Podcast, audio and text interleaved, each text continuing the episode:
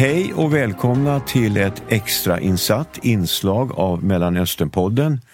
Och vi sänder det här beroende på det som händer, de stora oroligheterna, de stora konflikterna nere i Israel-Palestina.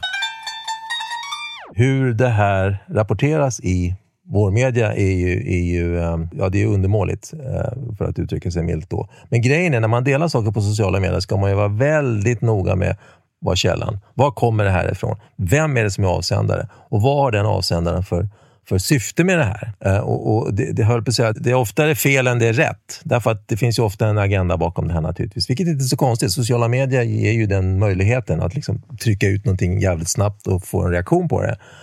Och, och, i synnerhet då när, det här, när, när de tv-bilder vi ser och radioinslag vi hör, de blir ju ensidiga. Därför att ta en sån sak som förlustsiffrorna här. Va? Det är fler palestinier än, än, än israeler som är döda. Vad beror det på? Då? Jo, israelerna har skyddsrum. Det har Hamas aldrig byggt. Och Hamas har ju, eftersom dels för att Gaza är trångt, men dels också för att det finns en idé om att om man förlägger olika operationella centrum inne i bostadsområden så blir det väldigt svårt, i princip omöjligt, att slå ut dem utan att, utan att civila skadas eller dödas. Och det gör man naturligtvis eftersom det, det, det, det, det ser ju bra ut för dem att, att titta här, israelerna döda barn och så vidare. Och så vidare. Eh, och Det är också ett dilemma som man, som man har utnyttjat väldigt väl, skulle jag säga. Och då är det klart att människor här blir upprörda. Och klart att de ska bli upprörda eh, av, av sådana saker. Och Det blir också del av det här sociala mediespelet, så att säga, vad som, vad som då så läggs ut på sociala medier. Så man ska vara otroligt noga med var, var, var, var det kommer ifrån innan man delar. Alltså, och, och, och, tänka igenom vad, vad syftet är och vad man själv egentligen vill. Och hur mycket vet jag själv om det här egentligen? Så det är superviktigt att, att, att man gör den bakgrundschecken innan. Och det händer ju väldigt sällan då i sociala medier. Det är fort att trycka på dela och så är det ute. Man kan lite förenklat säga att det finns tre parter i den här konflikten. Dels är det den palestinska befolkningen i Israel, dels är det Israel och dels är det Hamas som alltså styr över Gaza. Och den palestinska befolkningen i Israel, alltså 20 procent av landets befolkning, de vill ha lika rättigheter. De vill inte bli behandlade som andra klassens medborgare. Israel vill i första hand bevara status quo. Israel vill egentligen inte skapa några stora förändringar. Israel vill att situationen ska fortgå som tidigare, utan några störningar. Och Hamas vill egentligen förinta Israel. Hamas vill egentligen inte ha fred, möjligtvis vapenstillestånd. Men eh, i Hamas ideologi ingår att Israel ska förstöras. Det här är ju en del av en konflikt som har pågått ganska lång tid. Konflikten mellan israeler och araber, eh, eller israeler och palestinier är ju gammal så att säga. Och, och, Det finns många startdatum för det. Men ett startdatum är naturligtvis 1948 när Israel bildades. Och Då var ju tanken att dela det här området som, var så, eh, som båda så säga, parter hade, hade, hade del i. Man delade upp en judisk och en arabisk stat. Det var FNs beslut då, från november 1947. Det beslutet eh, godkände israelerna men inte, inte araberna eh, och inte Palestina. Då kan man säga att där startade den här konflikten lite grann. Eh, att, att, att det som skulle ha varit två, två stater blev, bara, blev en riktig stat och så de delarna som då skulle vara den palestinska staten ockuperades dels av Jordanien och dels av Egypten. Egypten ockuperade Gaza och Jordanien ockuperade Västbanken. Och, och där var vi fram till 1967 när, när det här sexdagarskriget bröt ut mellan Israel och Syrien och Egypten och Jordanien. Då ockuperade Israel eh, resten av Jerusalem eh, och också Västbanken och hela Sinai eh, och var band det kriget så att säga. Efter det då, för att göra en lång historia väldigt kort, så började det så, så, så småningom komma förhandlingar mellan Israel och de omkringliggande arabstaterna. I de förhandlingarna så ingick också då att palestinierna skulle få självstyre, var det frågan om från början. Det kom avtal som sa det, som godkände det här. Och Den processen har då gått fram till år 1993 när Osloavtalet bildades och som skulle leda, också leda fram till den här tvåstatslösningen som från början var tanken.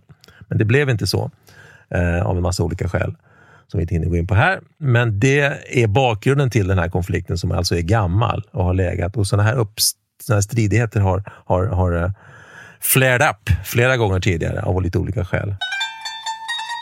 Jag tror att det är viktigt när man tittar på det som händer i Israel och Palestina och konstaterar att det är två konflikter, två separata konflikter som pågår och bägge två är så att säga potentiella krig.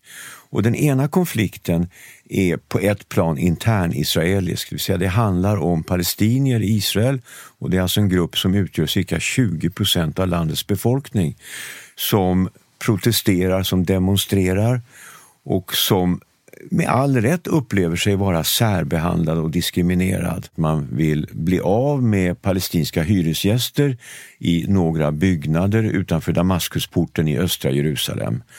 Och det här är egentligen en juridisk konflikt. Det handlar om att det här är byggnader som ägdes av judiska personer före 1948 och vad man kräver då utav de här palestinierna är att de betalar hyra, men det vägrar de göra. Och Det här är ett mål som ännu inte är avgjort och det kommer att tas upp i Israels högsta domstol. Men det här har utlöst en hel del starka reaktioner. Ja, det är helt och hållet en juridisk tvist och israeliska staten är inte inblandad i det överhuvudtaget. Och det handlar om hyresgäster kontra eh, hyresägare. Eh, de här fastigheterna som det gäller här nu då, de hade fram till 1948 eh, då Israel bildades och då Jordanien ockuperade det här området var de ägda av, av, av judar.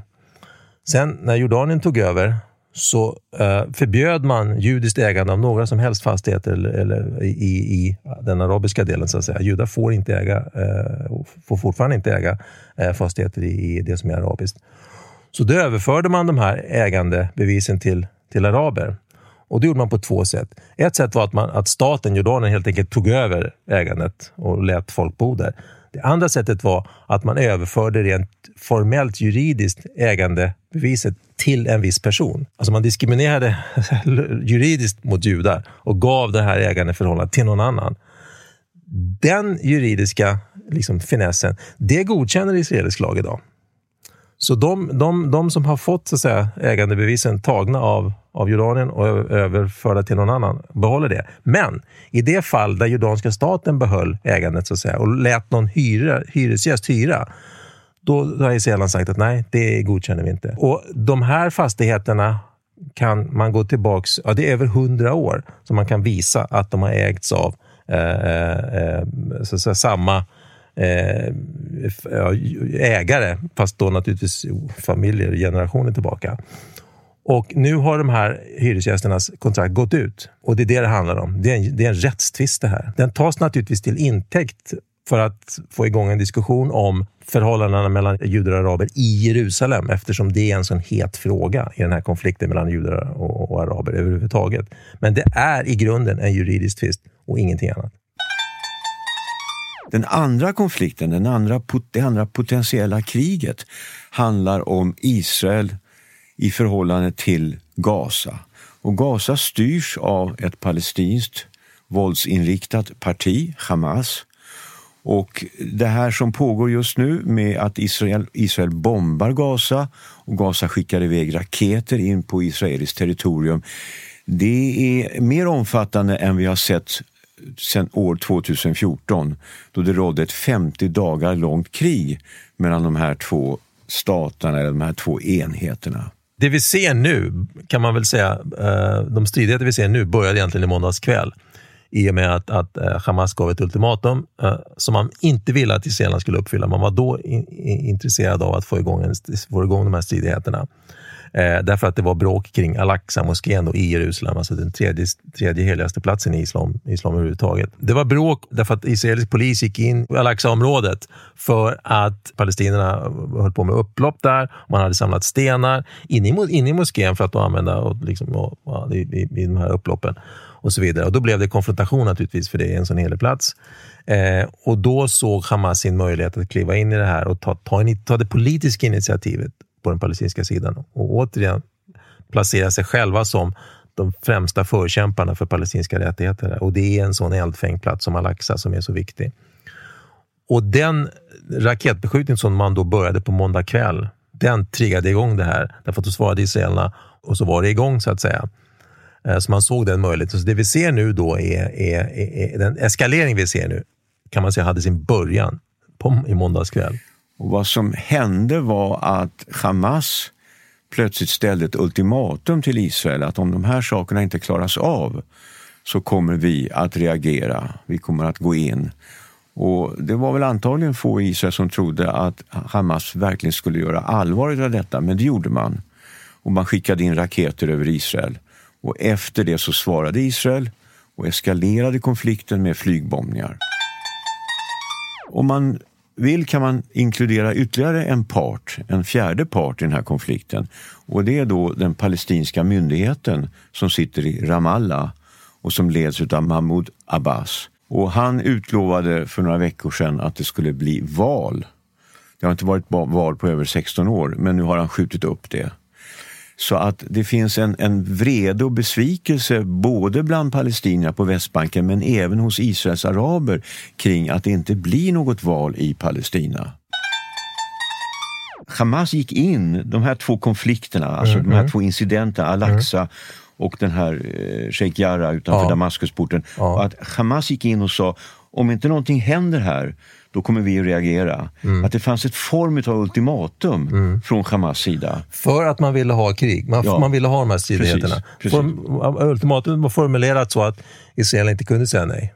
Man ville, var inte intresserad av att, ja men vad bra, då, då, då slutar vi. Bara israelerna lämnar eh, Al-Aqsa-moskén så lägger vi av. Det var inte poängen. Poängen var att få igång den här stridigheterna. För att skaffa sig den här politiska dominansen över den politiska så säga, sammanhanget. Man ville, alltså det riktade sig lika mycket, kanske mer mot Abbas än mot israelerna. Det här.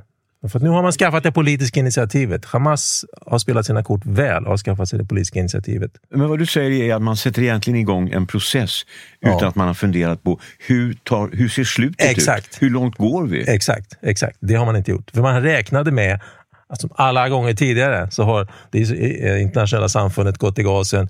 Säkerhetsrådet viftar, EU viftar, alla viftar. Så, det, så då, kan man, då, kan jag, då kan Hamas luta sig bakåt och säga ja, men vi fixar det här, okej, okay, vi går med på fred naturligtvis, vi vill inte ha krig. Det är bara det att det blev inte så den här gången. Därför att för israelerna tror jag att man också ser det här som en möjlighet att tvåla till dem ordentligt. Och därför har vi den här eskaleringen. Alltså arabvärldens relation till den här konflikten har förändrats. Och under en lång period så sa arabiska ledare att vi överhuvudtaget inte går in, vi vill inte gå in och upprätta diplomatiska förbindelser med Israel så länge Israel inte sköter Palestinafrågan och ger palestinierna ett eget land. Men den typen av uttalanden hörs inte längre. Och idag har Israel alltså sex arabiska vänner, sex arabiska länder som man har diplomatiska relationer med. Och Det här har ju naturligtvis skapat en stor oro hos palestinierna därför att man känner att man har blivit övergiven. Där kan man också tillägga att det blir ett problem för de omkringliggande arabländerna att Hamas är den som har så att säga, tagit initiativet här. Därför att om de ställer sig upp och säger att ja, det är vi som försvarar palestinska rättigheter, länderna runt omkring har liksom inte riktigt råd att, in, att inte gå med i det här. så att säga. Man, man, man, man gör det väldigt motsträvigt skulle jag säga. Därför att det här är inte bra. Och jag skulle, jag skulle tro att Abbas får nu höra både det ena och det andra av sina arabiska grannar. Att, att hur fan kunde du låta det här hända? Så, och det komplicerar bilden så att säga och leder naturligtvis också till en, en, en riskerar att leda till en, till en eskalering.